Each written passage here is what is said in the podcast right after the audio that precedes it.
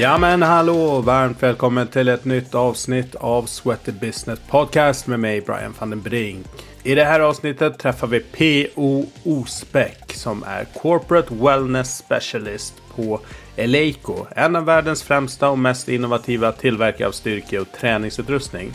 PO är i grunden licensierad personlig tränare samt kost och livsstilscoach. Han har genom åren arbetat operativt inom träningsbranschen samt inom företagshälsovården och som hälsokonsult både inom näringslivet och inom elitidrotten.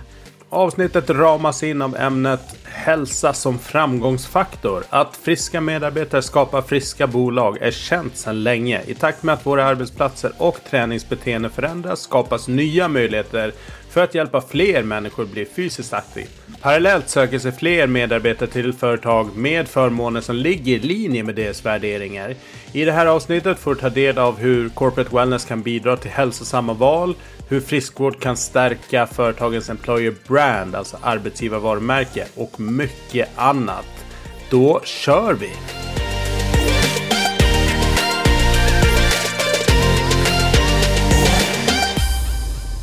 Varmt välkommen P.O. Osbeck. Tusen tack. Tack snälla. Hur är läget idag? Jag tycker det är, tycker det är mycket bra. Eh, väldigt eh, många olika delar som händer samtidigt och spännande projekt eh, för oss här. Så att jag tycker det känns, eh, känns pepp. Mm, härligt. Det händer ju väldigt mycket inom eh, Eleiko och jag följer dig på LinkedIn sedan flera år tillbaks där du är en frekvent eh, postare av intressanta reflektioner och spaningar från Ja, alltså hälsoområdet. Mycket såklart rörande kring corporate wellness. Och sen var jag på Almegas branschdag som var i mitten, slutet på maj. Och så fick jag lyssna på dig där du körde en, eh, en kort dragning kring olika trender och tendenser kring eh, corporate wellness som jag tyckte var superintressant. Och tänkte att det här måste vi göra ett poddavsnitt så att fler får mm. lyssna till det. Låter det bra? Jag tycker det låter fantastiskt och jag är väldigt tacksam för dina fina ord. Men du, det här med corporate wellness då. Hur, eh, varför har det blivit det för dig? Det, det, är faktiskt en väldigt bra, bra, fråga. Ibland när man reflekterar lite kring vad man har, har gjort i sitt liv så, så bestämde jag mig ganska tidigt för att jag ville jobba med människor. Eh, och dessförinnan så hade jag varit inne och snurrat på IT-tanken. Jag ehm, insåg väldigt snabbt att IT var verkligen ingenting för mig. Eh, det var inte min starka sida utan jag, jag navigerade hela tiden mot, mot människor och service. Eh, vilket i sin tur ledde till att jag fått förmånen att både driva restaurang och gym och eget bolag och jobbat inom företagshälsovård. Så att det, det kom sig av, av den, det intresset för människor och att kunna ehm, Gör göra skillnad helt enkelt. Och då var det en väldigt, väldigt bra arena för att göra det. Mm. Ja, det där är intressant alltså också när jag lyssnar på dig nu när du eh, berättar. Jag googlade ju lite grann på dig och såg eh, lite restaurangkopplingar där. Och jag, jag själv kommer också från restaurang, hotell och restaurangbranschen och har jobbat som bartender bland annat i, i många år. Och sen vet jag Mikael Svane på Endorfin är ju också från restaurangbranschen. Så det är ju någonting där med människor och, och service som passar bra såklart med träning och hälsobranschen också. Ja, men det, det gör det ju verkligen. Det gifter sig väldigt bra. Um, och jag drev ju en, en mer uh, hälsorelaterad restaurang. Så att uh, oavsett vad jag har gjort fram till dagens datum så har det ofta varit att göra skillnad för andra inom det, det proaktiva hälsospåret. Sen har det bara tagit sig lite olika uttryck. Det kunde ha varit en surdegspizza, det har varit hantlar och så har det varit liksom företagshälsovård. Men ungefär samma inriktning det är slutmålet liksom. Ja, ja, men härligt. Men vi drar igång med våra uppvärmningsfrågor så får lyssnarna känna det lite på pulsen så här innan vi börjar prata om eh, ja, lite mer business-relaterade frågor. Då. Mm. Eh, men om du, vad skulle du göra om du inte gör det du gör idag? Det är nog ganska spretigt. Det är egentligen två spår. Jag är ju en otroligt eh, musikintresserad människa. Eh, jag tror jag har musikdagböcker på Spotify sedan 14 år tillbaka för varje månad. Eh, så jag hade okay. definitivt valt att på ett eller annat jobba inom, inom musik på något sätt. Hade väl någon form av karriär när man var lite yngre. Eh, men det hade jag definitivt gjort. Eller så hade jag jobbat inom finans. Ja. Och eh, ditt sämsta köp? Jag kan vara relativt impulsiv, eh, vilket har lett till att jag en gång köpte ett, eh, vad jag vid tillfället tyckte var jättesnyggt, eh, ett eh, läderhalsband i form av ett stort halsband och i slutet av det halsbandet i ungefär maghöjd så hängde det en eh, läderig granat. Som jag tyckte var superhäftig när jag väl eh, köpte den. Förutom att den gjorde ett ganska stort hål i plånboken så fick jag fantastiskt ont i nacken av den för det var så himla tungt. Eh, så det är definitivt det sämsta jag gjort. Och om vi vänder på det, bästa köp eller investering? Ja, men förutom så här större delar som kanske hus och några så här härliga resor så är det en, en wearable som jag använder varje dag som mäter min sömn och återhämtning och fysisk aktivitet överlag. Den har jag haft väldigt stor glädje av. Så det är troligtvis en av de bästa investeringarna för att jag ska må som jag mår. Yes. Eh, det här gör mig förbannad. Det är eh, när barn, djur och, och liksom framförallt människor överlag behandlas illa. Jag har otroligt svårt för, för att se andra fara illa eh, som är helt oskyldiga för andras vrede och, och eh, allmänna ohälsa. Eh, så det är något som verkligen sticker och, och gör ont mig. Mm, kan bara hålla med.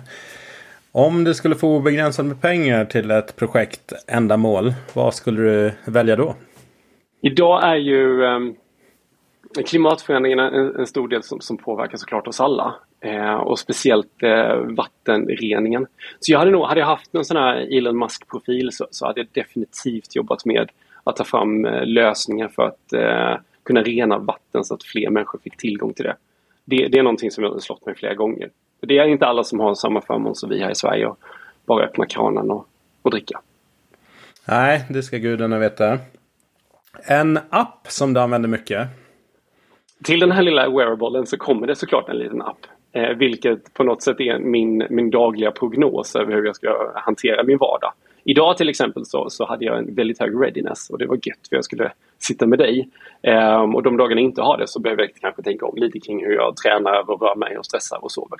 Så den använder jag mycket. Men sen finns det en som heter Optimize eh, med Z. Som mm. är egentligen så här person... Jag, jag, tycker väldigt mycket om personlig utveckling och kan gärna nörda ner mig lite i det. Eh, men det är en kille som heter Brian eh, också som, som bor i USA som har skapat det här bolaget och egentligen summerar alla större läror. Det kan vara stoicismen och det kan vara fantastiskt bra böcker och insikter i videoformat och textformat så att det är lätt att få mycket kunskap på väldigt liten tid. Och för mig som både reser och, och jobbar en del så, så passar det väldigt bra i vardagen. Ah, bra tips. tips. Den måste jag kika in. Optimize. Ja. Um, mm. Du, den här uh, appen måste jag återvända till. Jag är bara ja. nyfiken kring den här readiness-grejen. Hur upplever du att det passar att det stämmer med din egen känsla kontra vad datan då säger att du borde? Mm. Vad datan säger att jag borde göra? Nej, alltid... hur, hur redo den, den, den säger att du är inför, inför dagen. Ja, men jag tycker nog i, i nio fall av tio så ger den ett, ett väldigt bra mått. Eh, jag tittar också på så här, kroppstemperatur och hur sömnen har varit och pulsen följer väldigt noggrant och hjärtvariationen. Eh, men den övergripande bilden tycker jag ger en väldigt bra fingervisning kring hur jag befinner mig. Och det som, det som är värdefullt är att den jämför bara med mig och så. Även om min sambo har en likadan så tittar jag primärt på min data och, och kan se tendenser. Så Har jag ätit för sent? Har jag eh, tränat för sent eller behöver jag kanske ta den där sovmorgonen för att återhämta mig lite extra. Så jag tycker att den ger en väldigt bra fingervisning. Sen ska man såklart lyssna på kroppen framför allt. Men eh, för mig så har det funkat faktiskt väldigt bra. Mm, ja, spännande. Eh, favoritträningsform? Vi, vi jobbar med eh, en stor ambassadör till oss på Leico som heter Marcus Philly. Han har ett koncept som heter Functional Bodybuilding.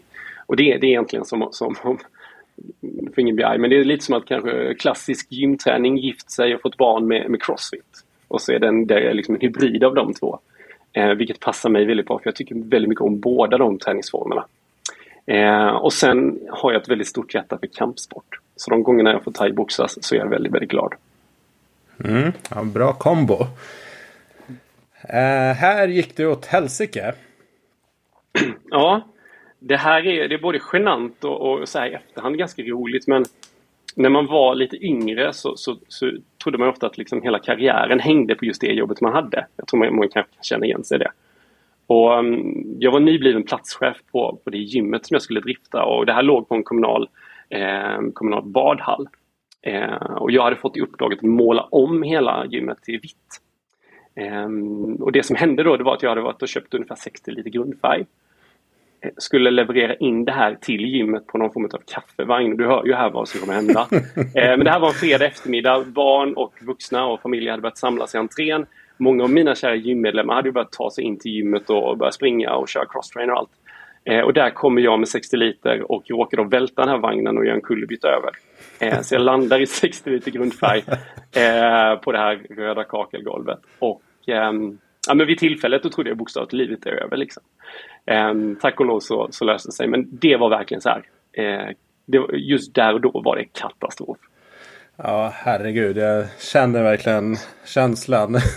ja, men jag tror man kan förstå det. Man vaknar upp där och så är det 60 liter rinnande vit målarfärg överallt. Du, ditt bästa tips då för återhämtning? Jag önskar ju att jag... Jag har, jag har verkligen försökt väldigt många gånger till att anamma liksom mindfulness och så.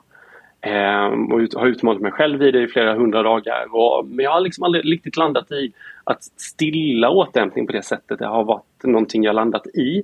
Ehm, jag är ganska rastlös av mig. Så, så de gångerna jag får alltså, mental återhämtning är ofta när jag rör på mig. Och det tar sig ofta så uttryck att jag eh, gärna är ute i trädgården och fixar. Ehm, jag har blivit ganska bra på det tycker jag själv i alla fall. Bygger lego med min son eller spelar fotboll med han eller vad, vad han nu vill hitta på. Eh, och sen blir det också ganska mycket här, att lyssna på musik kan bara försvinna in när jag är ute och promenerar. Mm. Alltså om det är något bra intro eller vad det nu kan vara. Eh, och sen hade jag gärna kört lite mer kampsport. Där är jag väldigt så här, närvarande. Och för de som har testat det fattar ju att man kan inte tänka på något annat när man står och kör mot, kör mot någon annan som vill slå en på näsan. Nej, då kan det gå riktigt illa. Och den sista introfrågan som eh, den kan vara stor men eh, du får välja själv hur, hur du an, angriper den. Men det här skulle du säga att företag och organisationer behöver tänka om kring lite när det kommer till hälsoarbete? Men en, en, stor utmaning där, och vi kan verkligen ta den korta versionen, vi kanske kommer komma in på det lite längre sen. Men det är ju primärt skulle jag säga att tänka på hälsoarbetet som en strategi snarare än ett enskilt projekt. Och att man behandlar det på det sättet, precis som den övergripande affärsstrategin eller liknande. För ofta har man en affärsplan, men inte kanske en plan för medarbetarna på det sättet, deras hållbarhetsutveckling. Så det skulle jag säga att gå från projekt till strategi. Mm. Bra. Alright, men du, ehm, vem är PO för den som inte har koll? Jag hade ju väldigt kort intro, du har berättat lite här restaurangbakgrund eh, och sådär. Så, eh, men om du skulle ge en lite mer eh, bild av dig. Ja, men jag är nog, jag är nog en person som, som i grund och botten är, är driven. Eh, jag har ju gärna många eh, bollar i luften eller järn i elden eller vad man nu säger. Eh, samtidigt, jag, jag, tycker det är väldigt kul när det händer saker. Jag tycker görandet är väldigt, väldigt kul. Även om jag ganska ofta finner mig i situationer där jag, man får lite lätt prestationsångest såklart. Eh, för man är mån om att göra bra saker. Men, men väl så här, grund och botten driven, eh, passionerad kring, kring det jag gör. Eh, vilket jag hoppas ska, ska märkas såklart. Eh, och ha en bakgrund som är kan upplevas som lite så variationsrik men, men både alla de delarna jag fått förmånen att jobba med har ändå gett väldigt mycket i form av att få en liksom bred bild över dels hur, hur människor funkar eh, och vad man eh, har för behov och eftersöker. Så det har varit väldigt lärorikt att få jobba både liksom inom träningsbranschen med allt ifrån PT, platsansvarighetsdelarna, eh, inom utbildning, eh, nu senast då inom företagshälsovård i flera år så alla de här bitarna har gett väldigt, väldigt mycket. Mm. Så det är ju egentligen en, en, en liten summering om vem jag är. Förutom yes. då att man lever med familj och, och, och hela den biten. ja, nej, men jag tror också det här fragmenterade, som kanske utifrån upplevs som fragmenterat. Man har gjort lite av eh, varje. Jag tror att det faktiskt kommer bli allt mer vanligt i eh, framöver. Att folk kommer ha olika karriärer. Att vissa yrkeskategorier mm de kanske inte försvinner men de blir någonting annat. De kanske digitaliseras och då behöver man skola om sig till någonting annat och så vidare. Och så vidare. Så att det här kanske att man utbildar sig i ett spår och sen jobbar man inom det resten av livet. Det kommer ju såklart hända också. Men jag tror att det kommer bli mer, ännu mer vanligt att, att folk faktiskt byter karriärspår mm. eh, längs med vägen. Kanske har tre, fyra olika eh, yrkeskarriärer på, ja. under en livstid. Ja, det, alltså jag är helt övertygad om det. Och liksom, vi blir ju också äldre, vi förväntas jobba längre. Um, och för mig så känner jag att jag liksom byggt en ganska så bred grund. En så här väldigt så generell grund med många olika delar. Och, och de senaste åren så har jag liksom mer fokuserat just på det vi pratar om idag, corporate wellness. Um, så att den här stora basen har hjälpt jättemycket för de här bitarna som, som bland annat vi bollar om idag. Yes. Men eh, om vi tar eh, Corporate Wellness då. Du är på Eleiko. Vad, vilken är din roll? Vad gör du där om dagarna? Men, vi vill ju ta ett väldigt eh, stort folkhälsoansvar. Eh, och, och, det som jag jobbar med dagligdags och har fått i uppgift att, att jobba med, vilket jag är väldigt, väldigt tacksam över, det är att skapa möjligheter för fastighetsägare och företagare inom näringslivet eh, och organisationer att integrera med möjligheter till fysisk aktivitet och träning i, i vardagen. Ehm, vi ser mer och mer liksom studier kring undersökningar som pekar på att idag tränar vi på fler vad man kan kalla för arenor. Det kan vara hemma, eh, till exempel som vet du är väldigt duktig på att liksom, lära ut kring. Det kan vara på sitt lokala gym. Det kan vara på hotellet på resan. Eh, och det kan också vara på jobbet. Så att idag så ser vi att man har ett träningsbeteende som är att eh, man är lite mer, ska man säga, på flera platser samtidigt för att, för att ta hand om sin fysiska aktivitet. Där det ena inte utesluter det andra. Så där vill vi vara med och kunna hjälpa med fler människor att både skapa hälsosamma beteenden och, och bibehålla dem. Eh, med ett, också ett starkt socialt stöd, vilket man ofta har på en arbetsplats. Så det, det är det jag gör. Mm, ja, men spännande.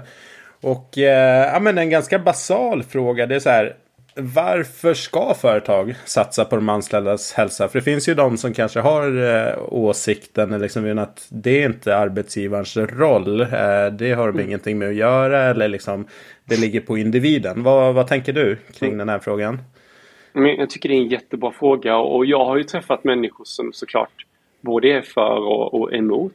Um, det som jag tänker mycket på, det var en, en både god vän och mentor sa till mig en gång, det är No people, no numbers. Och det, jag tycker det talar lite för sig själv idag. Oavsett vad vi, om vi är kunder till ett företag så är det ju deras medarbetare vi möter. Det är de vi skapar relation med. Det är medarbetarna som löser alla problem som kan uppstå och det, det sker lite då och då i en, en verksamhet. Det är de som är mer produktutvecklare, de skapar tjänsterna, de driver affären, vilket gör att jag upplever att medarbetaren, och jag tror många med mig, är den viktigaste resursen företag har. Det är de som bygger hela verksamheten.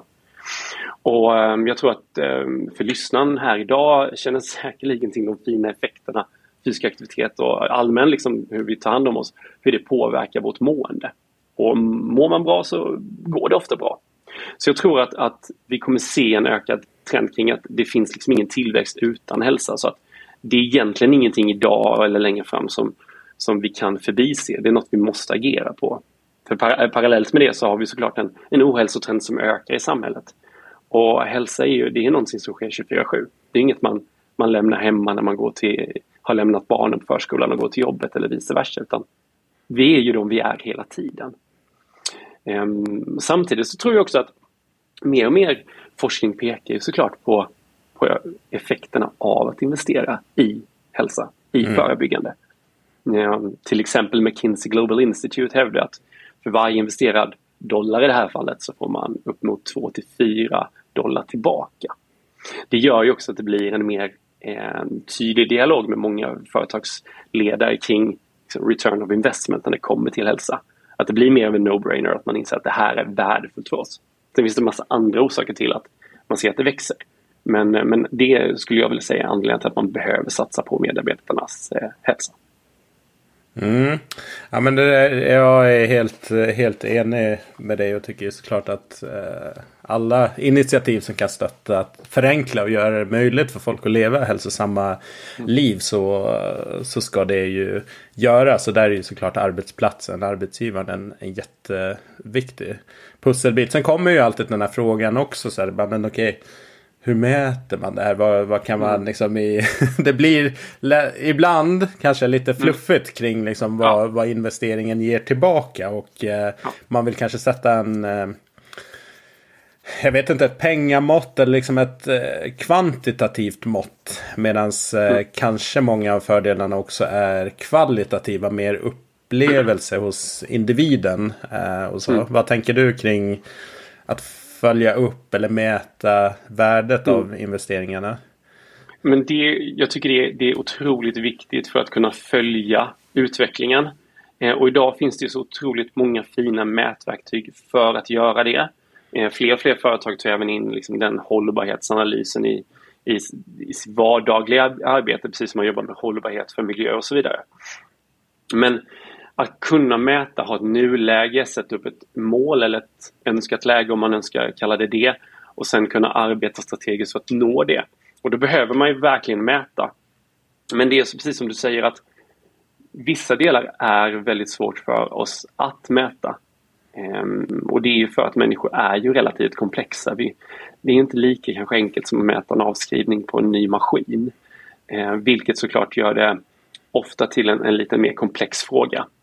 Men eh, sen kanske vi lever i en bubbla du och jag men jag upplever ändå att de man pratar med upplever såklart effekterna eh, hos sina medarbetare eh, när man har en, får man kalla det en lite mer hälsofrämjande företagskultur. För det är ju framförallt kulturen som är, som är det viktiga. Och, och det där har ju förändrats en hel del genom åren kan jag uppleva. Mm. Sen såklart det är generationsskiften på gång ute i arbetslivet. Men, men tittar man även på så stora företag som typ eh, Deloitte släppte en, en jättestor undersökning. Och Deloitte är ett så revisions och konsultnätverk som är globalt, kallas för The Big Four. Och där, de såg i, i deras undersökning att 89% av arbetsgivarna idag ser ett samband mellan välbefinnande och deras affärsstrategi. Mm. Och då ville 74% av de här de ville öka omfattningen av arbetet med sitt liksom, hälsoarbete. Så att vi ser ju idag att det är en väldigt, väldigt stark trend kopplat till det här och det drivs ju på att fler medarbetare eftersöker det också såklart. Men eh, det finns ju väldigt mycket fin forskning på effekterna av att förflytta folk från till exempel en riskgrupp till en frisk grupp. Jag vet att Fredrik som var med eh, lite tidigare i år här i podden, han, han eh, jobbar med de här delarna och också ett väldigt bra avsnitt som man kan tipsa om. Mm, eh, Fredrik Karlsson på Twitch. Exakt. De har gjort en jättefin studie de tittar på just det. Hur mycket som, som faktiskt kan påverkas. Och, mm. och där såg de ju att om tar man personer från en, en riskgrupp, det kan vara låg kondition, man har um, låg upplevd hälsa överlag, um, övervikt etc. Och förflyttar dem till en frisk grupp så, så hade de tio färre sjukdagar än, um, än de i frisk grupp. Så att tar man personer från en riskgrupp till en frisk grupp så finns det väldigt mycket både lidande att spara för individen och såklart pengar att spara för företaget. Mm. Så tio sjukdagar färre per år? Ja. ja. Genom den förflyttningen. Och det blir ganska mycket pengar på sista raden. Det blir det verkligen. Ja men det där är superspännande. Sen var du, touchade du på ett ord där som är så här hälsofrämjande. Jag tror mm. också det är eh, kanske ett, ett stort skifte. För man kanske tidigare har sagt som förr att man har friskvårdsbidrag och folk får träna och sådär. Men mm. det har varit ganska inramat liksom. Att mm. eh, de som vill kanske ge sig iväg på träningspass som kanske är klockan 11 istället för klockan 12. Att du säger, ja men ska du gå iväg nu liksom? Vad, mm. vad är det här liksom? Eh, ja. så att eh, just att hela kulturen andas att ja, men det är okej. Självklart kan du inte träna åtta timmar om dagen. Men att att man har en, en, flexibilitet och tillåtande kring det här för att man ändå ser att man får tillbaks det här. Um, och ja. inte ma mallar in det att du, det är bara den här timman som du kan träna och ingenting annat. Liksom. Nej, Nej det, det är någonting som man verkligen ser. Um, jag har en, ett projekt som jag jobbar med i, i Köpenhamn och jag var så himla det värmde så mycket i hjärtat när jag träffade en av deras marknadschefer. De berättade hur de använde sitt, liksom, de kallas för, det kallas för the fitness room hos dem. Um, och det, det, är väldigt litet, det är 41 kvadrat. Eh, och de är väldigt många. Men de, det visar sig att de använder det för att egentligen bygga en community. De mm. vill verkligen bygga ett ställe där folk vill vara på. Inte bara för att jobba utan faktiskt för att umgås. Och han berättar för mig att de, de använder det som en slags kreativ bas. De jobbar inom modeindustrin. Eh, så för dem är det ett sätt att träffa både kunder men framförallt andra avdelningar på bolaget. Eh, både för att lära känna och byta idéer, ha lite koll på vad som händer. Och så använder de det här som en form av brainstorming-sammanhang. Um, och det värmde verkligen, för det är precis det som man vill se. Det är så man bygger en kultur där det är väldigt involverande och där, där alla kan, kan vara med. För att alltså, i träningsshorts och t-shirt så, så är vi alla lika liksom och svettas. Mm. Ja, det är superhäftigt. Det är ju Le Deux. Eh, där man kan mm. läsa om det caset på er eh, hemsida. Man kan också kika på Sweaty Business ligger den också uppe. Så Exakt. det är bara söka på Eleiko så dyker den artikeln upp också.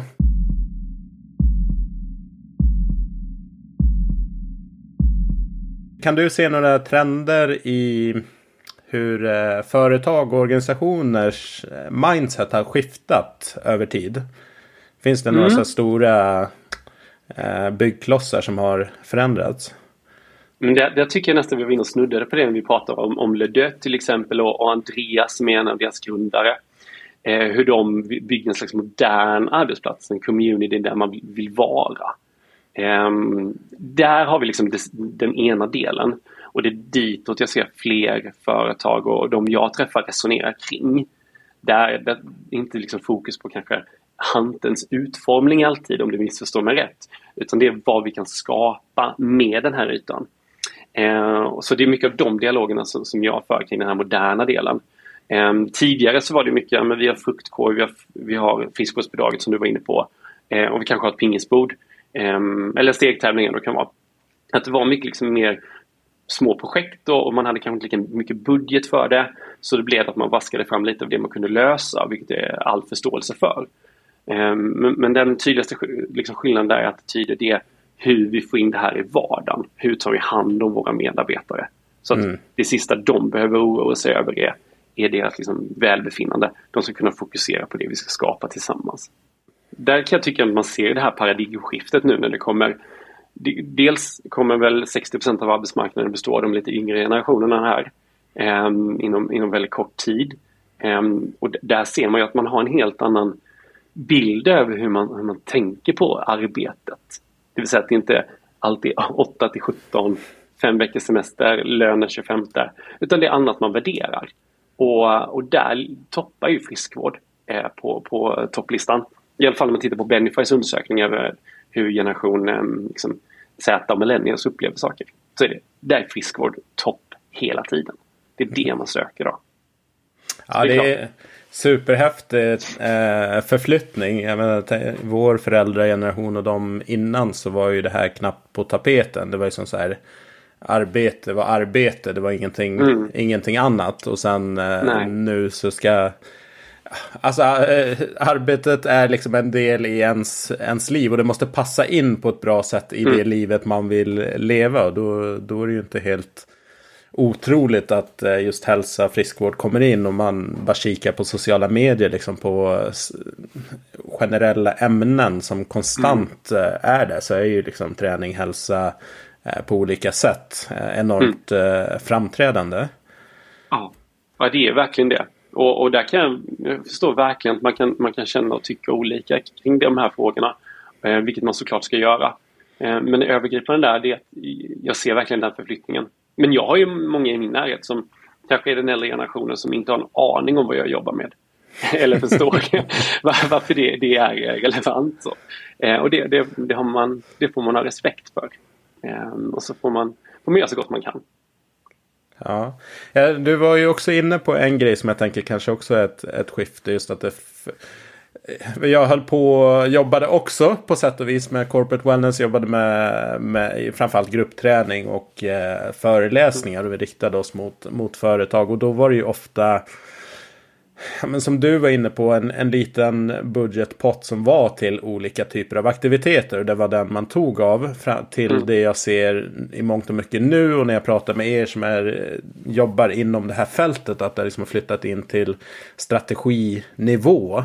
Eh, mm. Istället för att liksom, ja men det här är något som HR eller friskvårdsansvarig driver och så har ledningen bryr sig inte så här jättemycket om det. Utan det finns mm. en allokerad peng för olika mm. friskvårdsinsatser. Ja, det har verkligen gått från, från nice to have till must have idag. Mm. Um, och det, det, tycker jag känns det känns jättespännande och väldigt, väldigt bra. Eh, och jag tror också att många, många börjar se effekterna det har av just det. Eh, det var som jag följer ett jättefint försäkringsbolag bland annat på, eh, på LinkedIn. Eh, och de skrev, de skrev just att de, de jobbar stenhårt, eh, verkligen. Men de, de ser också till att de tränar tillsammans en eller två gånger i veckan. Och att det i sin tur leder då till både deras kultur och det här också stärker såklart den eh, interna dialogen författaren ska rekrytera. För de vet, men, de lär känna människor på ett liksom större djup och så vidare. Så de hävdar att de, de, de ser jättestora effekter av det här. Mm. Det, det, är det som är kanske den stora utmaningen ibland att veta liksom så här, vad exakt kommer det innebära. Eh, men, men tittar man också på de här vi lever i en värld idag där liksom hela den här talent acquisition-delen och eh, employer branding-delen har, har verkligen kommit fram. Där har man sett till exempel i undersökningar att personer som, som känner att de är omhändertagna på det sättet på arbetet. Enligt LinkedIn i alla fall så, så är de 3,7 gånger mer eh, troliga att rekommendera andra att jobba på samma företag. Just det. Så att det finns ju så många andra bieffekter eller subeffekter av att investera i sina, sina medarbetare än bara liksom det rena hälsotalet i form av kanske eh, sjukdom eller rehab. Mm.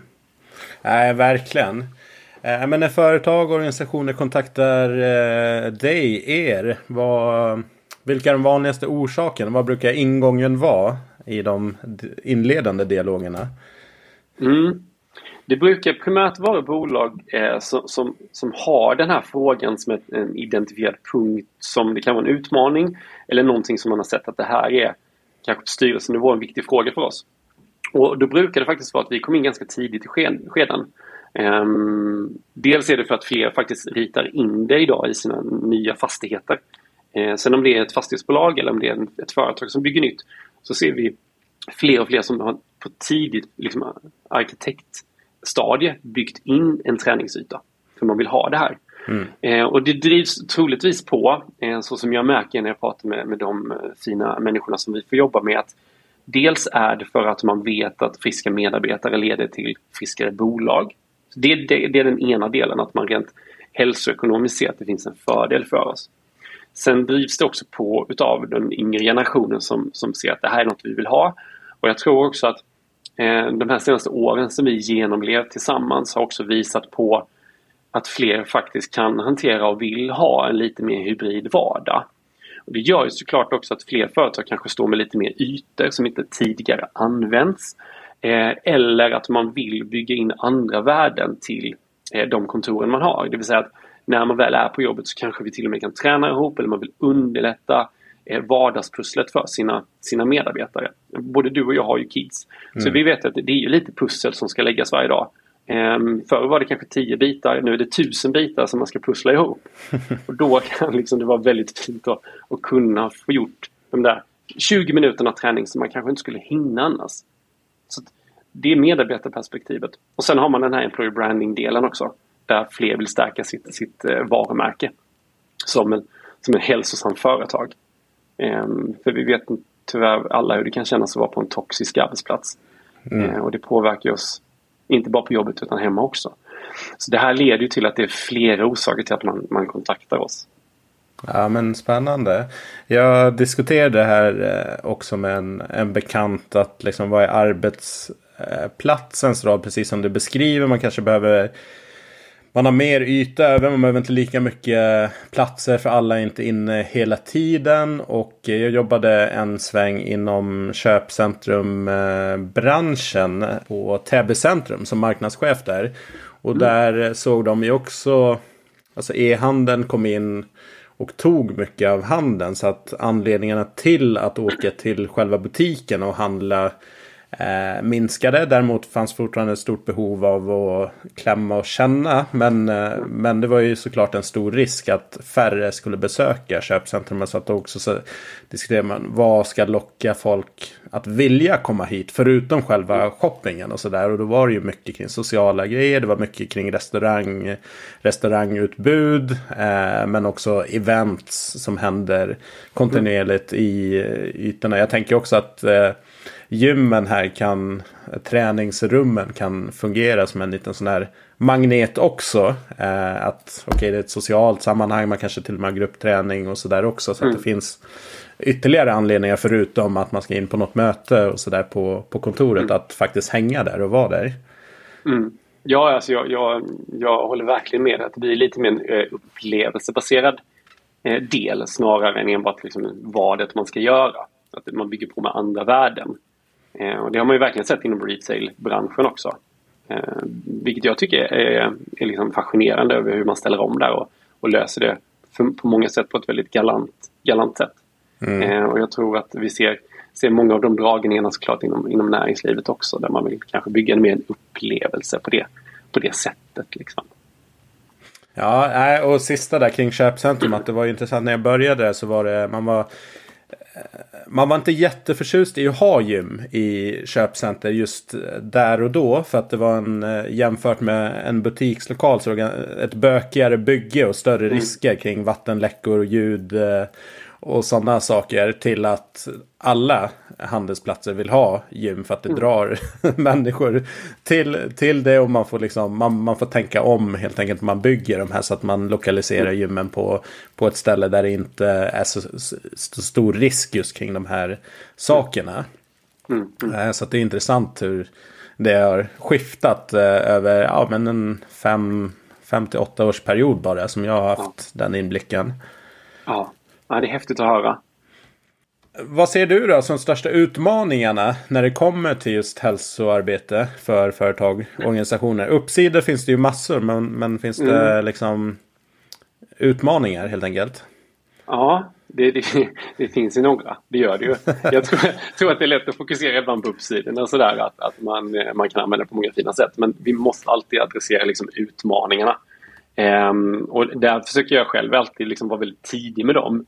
För att det är först när man kan besvara dem som man kan lösa väldigt mycket längs vägens gång och, och börja med, med slutet först som det så fint heter. Jag tror att, eller det är inte bara, ska man säga, för företag, in, alltså företag och organisationer inom näringslivsdelen. Det här gäller ju såklart eh, alla branscher. Det är liknande utmaningar när man jobbar inom träningsbranschen och inom den kedjan som jag fick förmånen att jobba för. Men det är ju att vi har väldigt, en väldigt stor utmaning att nå dem som har störst värde av att bli fysiskt aktiva. På branschdagen så var ju bland annat eh, du och jag med och, och lyssnade på eh, Mats Sundin på IMR och när de tittade på, på de utmaningar som de hjälper företag med och där ser man ju att ungefär 73% inte når den önskade nivån av fysisk aktivitet som, som vi har som rekommendation från Världshälsoorganisationen. Det vill säga 150 minuter måttlig fysisk aktivitet och två styrkebelastande pass per vecka. Så att den stora utmaningen för många företag det är att nå de här personerna. Ehm, och, och, där finns det väldigt många fina exempel på hur man kan göra det. Ehm, tittar man på undersökningar idag kring varför folk väljer att inte använda till exempel sitt friskvårdsbidrag så beror det på att man saknar dels tid, säg 20% och 31% hävdar att men det beror på att jag, jag är inte motiverad att göra det. Så där är ju arbetsplatsen en väldigt bra grogrund för att skapa en, en, en social ett, ett sammanhang där man får socialt stöd också. För att vi vet ju alla hur det är när man ska kanske göra en förändring. Man, man känner sig osäker och att då kunna göra det med, med andra människor samtidigt. Så det, det är en väldigt stor kraft i det. Mm. Och, så det är den ena, att man inte når som, de som behövs. Så, eh, och där ser vi att den stora effekten man får av fysisk aktivitet, det är ju det är kanske inte för oss. Jag tänker att eh, för dig, du är ju fantastiskt aktiv. Ja, jag är, håller igång en hel del också. Och jag tror att många som lyssnar här idag också är väldigt aktiva. Mm, om vi skulle öka dosen ännu mer så skulle vi ju vi skulle få resultat, men vi skulle inte få lika mycket resultat som de som går från ingen aktivitet till måttlig fysisk aktivitet. Det är där, alltså det är där den stora effekten ligger. Mm. Eh, vilket också såklart gör att det, det, det är framförallt liksom där den stora investeringen kommer tillbaka. Och, och, när det rör sig om investeringar så är det ju som vi, vi var inne och touchade lite på tidigare här att det är lätt att det hamnar som ett projekt snarare än en strategi. Det är att vi har kanske lite, några kronor över så att vi gör någonting som ett litet projekt eller en, en föreläsning eller liknande. Eh, och jag har varit med på, på alla de här delarna både på projektsidan och på strategin. Och man ser att det är på strategin det börjar hända saker såklart. Eh, så det skulle jag nog vilja säga att, att det är de stora utmaningarna. Att dels nå de som behövs, att faktiskt ha en, en budget där man liksom tar, tar tak för det här och, och, verkligen lägger upp en strategi för hur vi ska nyttja det här. Och att man kan mäta det och utvärdera det. Så att det inte blir, ehm, det blir någon på HR eller någon som är, är, är liksom glad i att springa som måste dra hela lasset utan att det blir ett tvärfunktionellt team i bolaget som jobbar med de här frågorna. Där, där tror jag liksom den stora utmaningen ligger. Mm. Nej men det jag håller med till 100 procent. Det blir ja, när Mats Sundin nämnde det där med 73 procent inte kommer upp i en acceptabel eh, fysisk nivå. Då det, det, alltså man inser vilka pengar och vad, vad det mm. innebär för ett samhälle.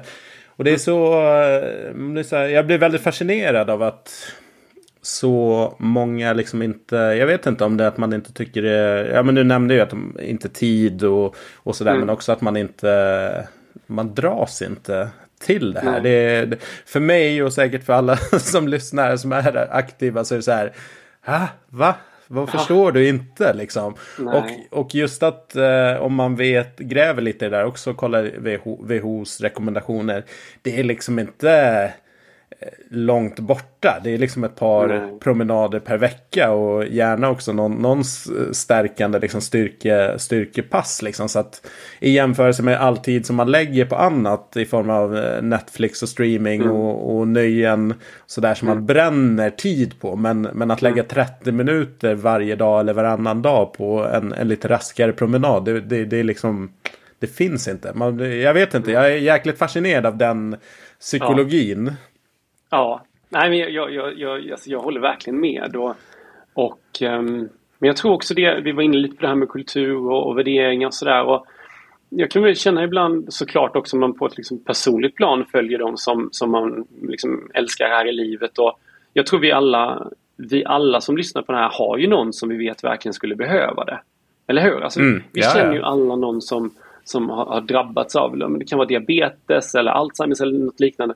Där vi vet att men, om vi bara hade kunnat börja lite tidigare. Det är liksom aldrig för sent för att börja. Nej. Men hade vi kunnat börja, bara ta en promenad eller liknande så, så finns det så stora fördelar av det. Eh, och Det som jag tror ibland är att man har en bild av hur någonting ska vara. Att, att, att lite som att vara solbränd innan man går till stranden. Att mm. Det här är ju inte, kanske pratar vi om corporate-sammanhanget så handlar det ju inte om att komma till jobbet liksom i någon form av neoprendräkt och springa ett maraton på lunchen. Utan det handlar ju mer om att att ta möjligheten när den finns. Här på jobbet här har vi en grupp som alltid tar en promenad efter lunch. Mm. Det är 10-15 minuter. Eh, men det gör de varje dag. Eh, och det där bygger över tid upp till ganska stora resultat.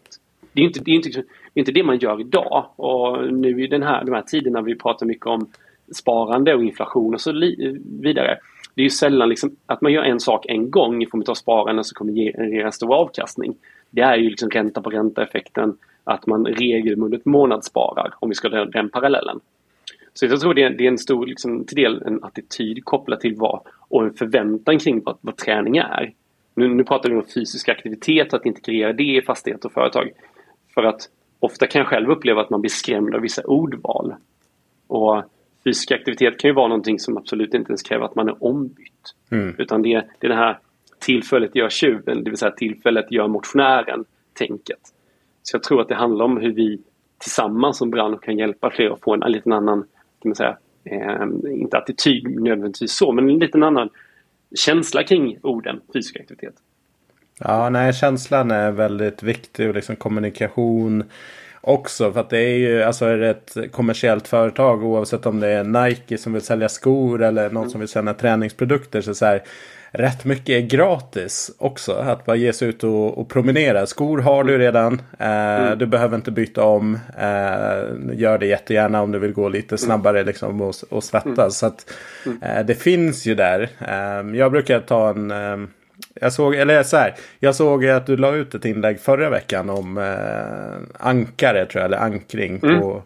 vad du gör, och då var det ett träningspass på morgonen för att För att liksom sätta ja. standarden för dagen och liksom komma i en, i en bra stämning inför resten. Ja. Och jag, de dagarna jag lämnar på förskolan då brukar jag ta 20 till 30 minuters promenad. Så antingen betar jag av ett telefonsamtal om jag har något telefonmöte som jag behöver ta. Eh, eller lyssna på podd eller, eller ingenting.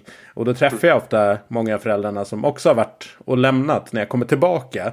Och då så här, ah, men du är alltid så hurtig och liksom mm. sådär. Så säger de bara, men vad gör du? Jag bara, nej men alltså jag tog ett, eh, mitt första jobbsamtal. Eh, det tog jag mm. på promenad när jag ändå ska ut och lämna kidsen. För jag kan gå till förskolan och skolan. Mm. Eh, så att eh, det är några som har kommit igång. Så att det startade en liten rörelse i området. Liksom att få folk att, ja men herregud, du ska ändå ta det där mötet. Du kan ta det gående. För det, det ja. spelar ingen roll om du sitter ner eller, eller, om du går. Däremot så kommer du få lite fördelar av att ta det under en, en promenad. Så att, ja. ja. ja och det är det som är så häftigt liksom. Och där är du ju en förebild för alla andra. Um, för, för det som är så kul, det finns ju ett jättesärkänt eh, kreativitetstest från Stanford. Där man tittade på vad händer med kreativitet när vi rör på oss. Mm. Och det visar sig att om man, om man har rört sig 30 minuter så har man då enligt deras forskning 60% bättre kreativitetsförmåga än de som sitter ner motsvarande tid. Eh, så det, det, det, blir ju en väldigt här, häftig effekt av att faktiskt låta liksom, kroppen röra sig. Sen som har man kids så, så finns det en annan effekt av det där och det är såklart att de ser att du rör på dig. Vilket i sin tur bygger en, en väldigt fin grund för dem att stå på, kan jag uppleva. Mm. När jag jag tycker det är en av de viktigaste grejerna som jag skickar vidare till mina barn. Det är liksom att göra det naturligt med, med mm. rörelse och träning. Och det behöver inte vara, de ser ju att jag sticker till gymmet och ute och springer. Mm. Men det handlar mer om att, att man är aktiv och gör saker. Det blir naturligt för dem. Eh, där tror jag att en, en stor utmaning i samhället är just att okej, okay, har du vuxna eller föräldrar eller förebilder nära mm. omkring dig som inte är så aktiva, ja men då, då spiller det lätt över på, ja. på barnen också. Så att det blir liksom en, ja. man får ärva samma typ av beteende. Ja, ja men verkligen. Och där, där har vi ju alla liksom möjlighet att kunna hjälpa dem i vår, vår eh, närhet att kunna vara liksom inspiratörer och förebilder för dem. Och det, det tycker jag, nu när du var inne på den här frågan eh, kring vad, vad många bolag kanske har för utmaningar så så är det just den delen som att vi gör inte alltid liksom det vi blir tillsagda att göra. Eh, så ärliga ska vi väl ändå vara. Mm. Men vi gör ju som våra förebilder och ledare gör. Och det, jag tycker själv det är väldigt häftigt att se när, när vår VD Erik går ner och, och tränar inför Vasaloppet här i vårt, eh, vårt gym. Och han kör definitivt hårdast av alla. Eh, det är verkligen inspirerande. Och, och jag vet att många kanske lyssnat på Johan, min kollega, när han är med och pratat om, om liksom hans, hans vardag. Men han ställer ju alltid frågan till mig så här, men Chapi, har du, har du hunnit träna liksom? Det är inte först det är så här, har vi några spännande projekt på gång? Utan han frågar så här, hur går det? Hur mår du? Har du hunnit liksom prioritera träningen? Han blockar tid och går och tränar för han säger att men jag, det funkar liksom inte riktigt annars. Och det, det är det som, det, det hjälper ju alla att kunna se liksom effekterna av det. Och där tror jag en viktig del i det i alla fall när jag själv jobbar med de här frågorna och som vi också ska prata lite om på Almega, att där är ledarskapet en så otroligt viktig del eh, för att mm. få det här på plats. Liksom. Verkligen, och göra det på, det på rätt sätt. För den kanske nidbilden av eh, den här vdn som är väldigt liksom prestationsinriktat. Och det, det är maraton och det är Ironmans. Och det, att, mm. att det kan nästan vara... Eh, alltså att det är många, en del kan... Eh, Alltså de, de identifierar sig inte alls med det. Det blir för stor mm. kontrast. Men gör man det på mm. ett bra sätt. Att man, ja, men, som Erik och, och, Johan uppenbarligen gör. Liksom. De gör det för sin skull. Det är inte för någon show-off. Och det är inte så här skrytsamt. Utan det är mer så här. Jag gör det. Och förhoppningsvis kan fler inspireras av eh, deras mm. mindset kring det. Mm. Ja, det är verkligen lead by example. Och det tycker jag är så himla, himla härligt. Och, men man kan ju, oavsett vilken roll man har så kan man ju alltid göra det. Eh, för, att, för att hjälpa andra. Såklart. Det är något yes. som vi alla kan göra.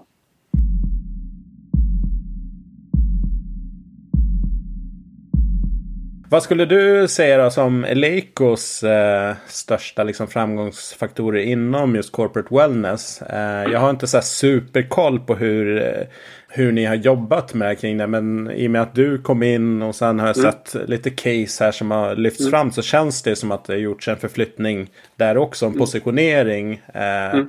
Kanske från att bara inom citationstecken eh, leverera utrustning till att bli mer en helhetspartner kring det här. Att kunna bidra med kompetens och själva mm. utrustningen. Ja, nej men det, det, är väl helt korrekt. Liksom vi, vi, har ju olika segment som vi jobbar med. Vårt commercial-segment som de flesta känner oss inom. Till exempel att vi jobbar med våra kära kedjor här runt om i världen. Vi levererar till över 180 länder. Um, så, så både liksom commercial-segmentet och, och tävlingssegmentet är jätte, jättevärdefulla för oss och viktiga. Och, och, och det är där liksom den stora omsättningen är och det är där liksom de stora kraftomsamlingarna sker. Um, och sen så jobbar vi såklart mycket mot hemmasegmentet och, och däremellan så, så har vi sett att vi vill ta ett större ansvar, vi vill hjälpa fler och då är corporate en naturlig del av det. Eh, och till den, den kundgruppen så är det dels liksom primärt liksom det man kan ta på, det vill säga utrustningen. Eh, allt du ser inne i en form av träningsanläggning. Det är det vi, vi bistår med och den expertisen vi gör liksom från idé till lösning. Och det är ju design, designrådgivning och installation. Och sen har man har vi den andra delen som blir mer och mer åt kompetensdelen. Eh, där ofta jag jobbar med, och det kan vara ledningen, eh, olika projektgrupper liksom, som ska implementera någon form av strategi och sådär. Sen så har ju vi förmånen att eftersom vi, vi har så många fina kunder eh, så hjälper vi ju även dem att kunna öka sin sysselsättning. För många av de kunderna som vi levererar till behöver ju på ett eller annat sätt ibland facilitera sina träningsytor. Det vill säga att om en större, ett större lager bygger en, en, en stor träningsyta så behöver de ju också ibland hjälp med nätverk och hitta kanske en PT som kan bistå med hjälp eller en, eh, ett gym i den lokala närheten som kan utöka och hålla pass där eller liknande. Mm. Så vi, vi ser det som att vi kan bidra med värde på, på många olika sätt. Men um, en av framgångsfaktorerna som jag själv har identifierat är om man får slå sig på bröstet, är att vi, vi är extremt kundorienterade. Och det tycker jag är väldigt härligt att se. Ehm, jag har besökt många bolag eh, genom åren och det blir väldigt tydligt när man lever sina värderingar som jag upplever att vi gör. Och det hoppas jag också man märker när man, när man hänger med oss. Ehm, så det är både liksom kompetensdelen och den mjuka delen och sen är liksom den, de hårda delarna, det vill säga våra produkter. Som, när det där gifts ihop så, så får vi en väldigt fin, fin lösning för att hjälpa människor med både beteende och, och resultat. Mm. Härligt. Vad tänker du så här i svallvågen av pandemin? Vi får ju hoppas att det inte händer någonting här till, till vintern igen. Men eh, kommer det att förändras hur man ser från företag och organisationer på det här? Att man kommer söka nya, andra lösningar än tidigare? Ja, jag skulle nog vilja säga att det mm. kommer vara så. Um, och jag bygger det på, på många olika delar. Uh, dels så är det att um, jag vet att både Mindbody och eh, McKinsey har gjort stora undersökningar på det här. Och båda hamnar ganska lika varandra, 78 respektive 79 procent på att konsumenterna idag tycker att liksom deras wellness eller välbefinnande är mer viktigt än någonsin. Eh, så dels är det, är det, att vi ser att fler eh, tycker att det här är en fråga som vi inte kan förbise. Eh, det var en jättestor HR-undersökning som heter The Future Workplace som gjordes och där såg 68 eh, procent av de här tillfrågade HR-cheferna att deras högsta prio var medarbetarnas välbefinnande. Mm. Och det här är ju såklart någonting som jag själv kan uppleva och säkert många med mig att eh, det vi har gått igenom här under pandemin har påskyndat det. Precis lite som att vi gjorde tre års digitalisering på tre månader där helt plötsligt alla hade videomöten så, så har, ju, har ju lite samma kan jag uppleva hälsoacceleration eh, eh, inträffat. Det vill säga att nu, nu inser man verkligen hur värdefullt det är. För när vi inte har vår hälsa så har vi ingenting. Och Det är det enda man fokuserar på när man inte mår bra. Så del tror jag att där kommer företag behöva tänka om och jag ser att många redan gör det. Men jag ser framförallt att, att många företag har börjat tänka större kring träning, fysisk aktivitet, wellness, mental hälsa. Man har breddat portalen för vad vi erbjuder medarbetarna.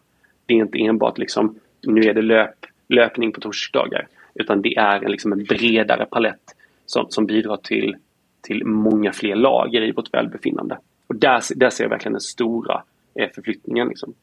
Mm. Ja, men jag håller med. Vi, eh, Åsa Sevegård från eh, E-Passi, eh, som är en mm. friskvårdsportal. Ja, eh, de har gjort en eh, välmående rapport 2022 som man kan ladda ner från deras hemsida. Där, där just den här trenden som du tar upp. att paletten är bredare eh, och mm. mer mer åt det individuella hållet. Just för att catera till olika behov och olika intressen. Eh, mm. Snarare än eh, ja, som kanske tidigare vissa fasta eh, aktiviteter. Löpning, typiskt kanske gruppträning och, mm. och styrketräning. Att, att det finns mer som, som ingår i, i paletten. Ja, det är inte one size eh, fits all längre på det sättet. Och det, det var också i den fantastiskt läsvärda rapporten är väldigt tydligt hur, hur man använder friskbidraget och hur, hur ganska spridda skurar det kan vara. Mm. Ehm, jag tror vi många tänker på friskvårdsbidrag som massage eller träning och, PT och sådär. Det är ju liksom yoga, simning, eh, mycket proaktiva hälsoundersökningar var också med på den här topplistan och, och såklart även online-träning. Yes. Ehm, så det blir mycket bredare idag. Vilket gör det lättare ja. för någon att hitta något. Verkligen. Ja, men vi får hoppas att det, det, bidrar. I teorin så borde det kunna bidra till att fler hittar någonting eh, som, som gör dem hooked. Liksom. Men vi är ju ja. inte riktigt där idag. Men eh, vi Nej. får fortsätta och gnugga på mot det. Ja. Men det finns ju, det finns ju så här saying man säger att Rom inte byggdes på en dag. Eh, vilket är helt sant. Men man, man glömmer lätt att de murade varje dag. Mm. Eh, och det tror jag man får, man får ha med sig. Liksom, att det här är ju ingenting som man bara gör på kickoffen. Liksom, utan det här är någonting som sker varje dag. Verkligen. Du, eh, du har varit inne på lite så här generationsfrågor och lite olika attityder. Så här, men har du någon data där kring eh, faktiskt hur olika generationer ser på det här med corporate wellness eller hälsa, den personliga hälsan kopplat till arbetslivet? Ja, det, det kom en väldigt eh, spännande undersökning från, från LinkedIn på det här området. Och eh, där såg man, såg man väldigt tydligt hur det skiljer sig i de här olika generationerna. Och jag kan ibland uppleva att man pratar om generationerna och, och det är inte lätt alltid att hålla koll på vilka årtal man nämner. Men, men man pratar ju väldigt mycket idag om eh, liksom Generation Z eller generation Z. Och det är de som är födda alltså från 97 till 2012 ungefär. Mm. Och, och, där ser man att 66% i den generationen upplever att man vill se mer investeringar när det kommer till liksom wellness och välbefinnande på olika, olika vertikaler av det för att stärka eh, kulturen på företag. Och um, Tittar man på millennials, det är de som är födda liksom 81 och framåt. Eh, det är typ du och jag. Mm. tänker jag utan att ha dubbelkollat. Precis på, ja, men precis på skarven. Ja, ja, på skarven där liksom. Men hade man frågat oss, ja men då hade vi 51% av oss sagt att ja, men det, här är, det här vill vi verkligen se förändringar. Och sen så, som man förstår då så, så minskar det med generationerna. Så de som är födda 65 och framåt upplever 41% att det är viktigt. Och de som är på, födda på 40-talet, 40, 46 och framåt, de tycker liksom där 30, 31% tycker att det är relevant. Mm. Så det är verkligen det är verkligen givet den datan någonting som vi ser och jag tror att man, man såklart ser det när man, man bara umgås med människor att man har olika, eller väldigt olika värderingar kopplat till det där. Eh, men jag tycker det är väldigt intressant att förstå att de yngre generationerna eh, har verkligen det här som en topprioritet. Men det betyder också att då behöver företagen anpassa sig efter det eftersom det är de som kommer utgöra majoriteten av arbetsmarknaden inom bara något år. Mm. Det kan jag tycka är liksom en väldigt så intressant del i det hela. Att vi, det är inte någonting Alltså det, är, det är inte, man trodde att internet var en fluga till exempel och kanske att man kände att hälsa, hälsotrenden också var det. Men det här är verkligen någonting som blir starkare och starkare och starkare. Mm. Nej, men det, jag kan bara instämma. Och det blir också intressant åt andra hållet om man tänker ur kanske den mer traditionella gymmarknaden och eh, seniorer då. När det nu inträffar. För det är också väldigt luddigt. Vissa säger 55 och mm. uppåt. Och då tänker jag att ja, en 55-åring vet jag inte hur, hur pass eh, mycket senior den är. Men just att det kommer också en generation av människor som har haft eller har träning som en stor del av sitt, eh, sin vardag som blir som mm. kommer upp i åldrarna och att jag vet inte, min bild är också att eh, koncept och liksom erbjudande gentemot den kanske mm. är eh, baserat på en bild av liksom mer pensionärer som har lite mer mm. krämpor och, och svårbegränsade. Mm. Och att det kommer ett stort lass med människor här som faktiskt är i, i relativt bra skick på, jämfört med, med tidigare generation eh, seniorer. Att man behöver tänka till där också kring vad man, vad man gör och erbjuder för att det ska vara tilltalande för dem. Ja, alltså gör vi det erbjudandet, för det är precis som det kommer, det kommer ett riktigt stort lass människor nu. Som också har vuxit upp med, med en väldigt stark ekonomisk tillväxt och välfärd. Som såklart kanske har gått i, i, i pension men också vill kunna fortsätta njuta av sina dagar.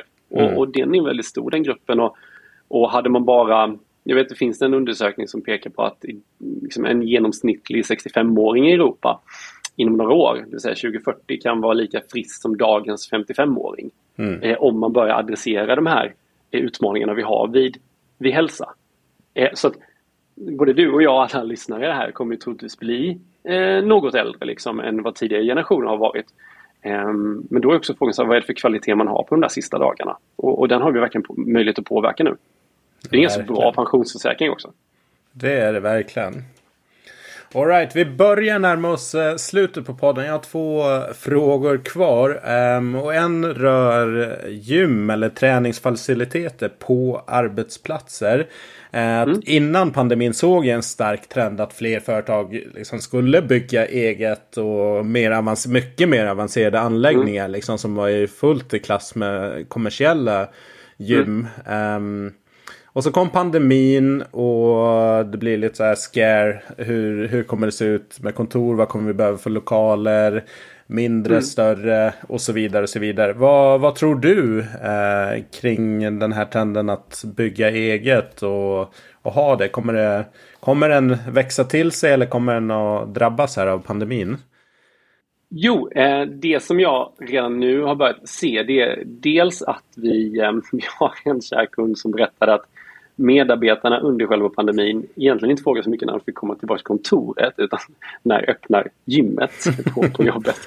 Och det tycker jag var så himla härligt för det visar hur, hur mycket man önskade ha det. Eh, vi ser Castellum släppte en ny undersökning som heter Framtidens arbetsliv.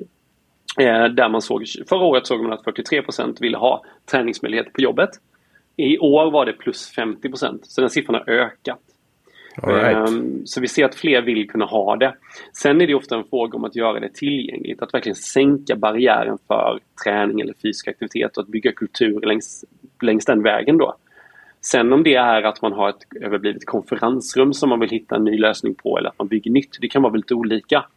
Men jag kan bara titta på den ökade efterfrågan vi får kring att fler vill skapa attraktiva lokaler att, att verka i och då samtidigt ha fördelarna som man får av fysisk aktivitet.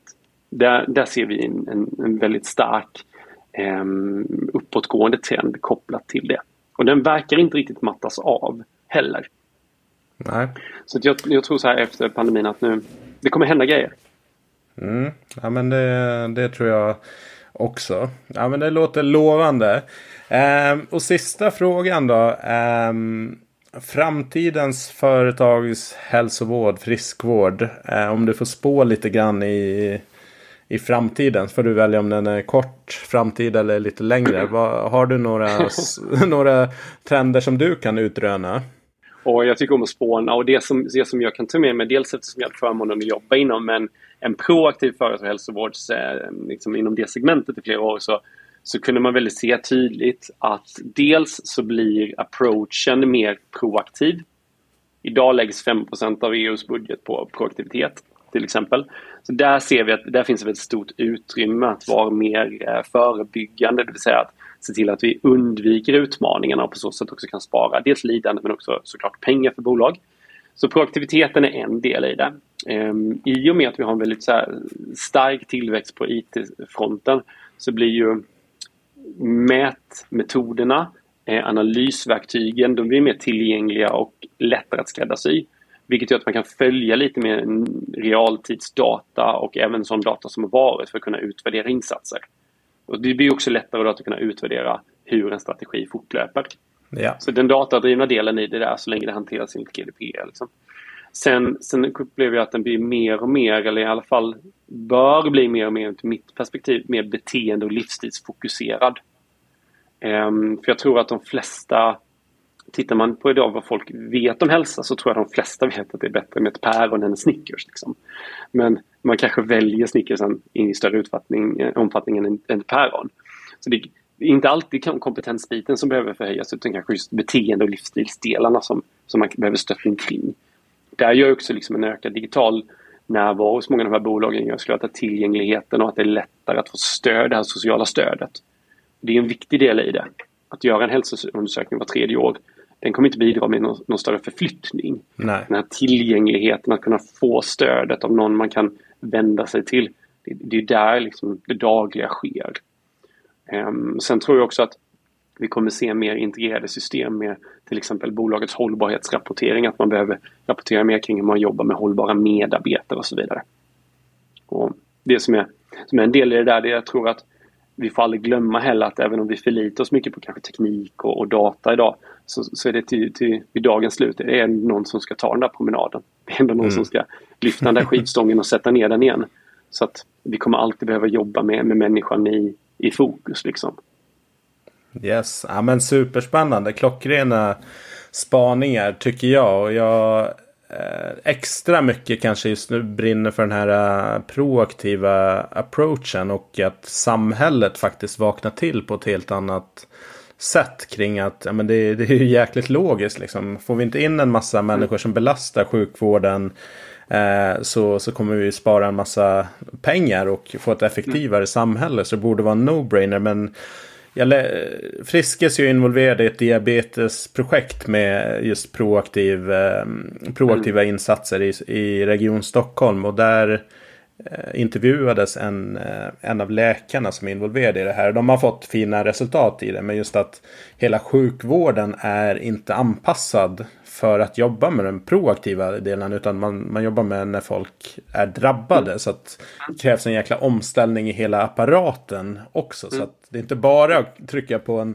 på en knapp. Men det blir lite nedslående att hela fokuset är på att ta emot sjuka. Men mm. väldigt lite, som du säger, 5% investeras i proaktiva satsningar. Det är så här, herregud, vad, vad gör mm. vi? Mm. Nej, jag, alltså det, det är så himla intressant att följa det projektet som de jobbar med där och de, de gör ju verkligen skillnad. Och um, det, det händer ju väldigt mycket idag i näringslivet. Det finns flertalet bolag, både på fastighetssidan och liksom det privata näringslivet som verkligen tar, de har ett jättestort samhällsansvar och vill verkligen påverka. Och det tycker jag är så väldigt fint att se att vi går verkligen mot en, en förändring där. Men det kommer ta tid.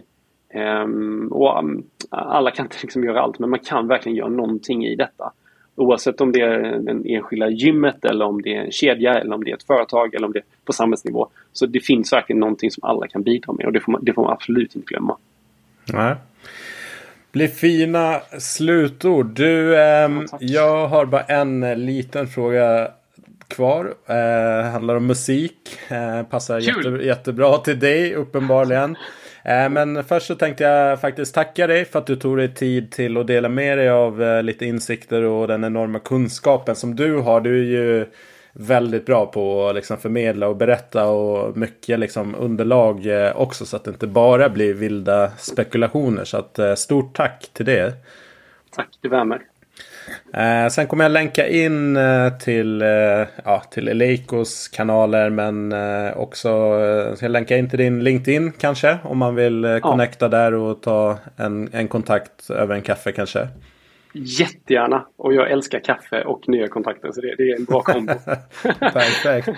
Men du till en uh, musiknörd. Vad rullar vi ja. ut det här avsnittet till? Nej, alltså det här är en så bra fråga. Eh, och jag är ju verkligen en person som jag älskar soul till den hårdaste hårdrock. Alltså allting från, från Marvin Gaye till Rammstein liksom. Eh, men jag tänker att, att eh, den, den tidiga pojkdrömmen om att bli rockstjärna, den, den lever ändå kvar någonstans i mig. Så jag tänker att idag så avslutar vi podden med The Helicopters, I'm in the band. Ah, härligt! Klassiker. Ja, men grymt du. Stort tack! Tack själv.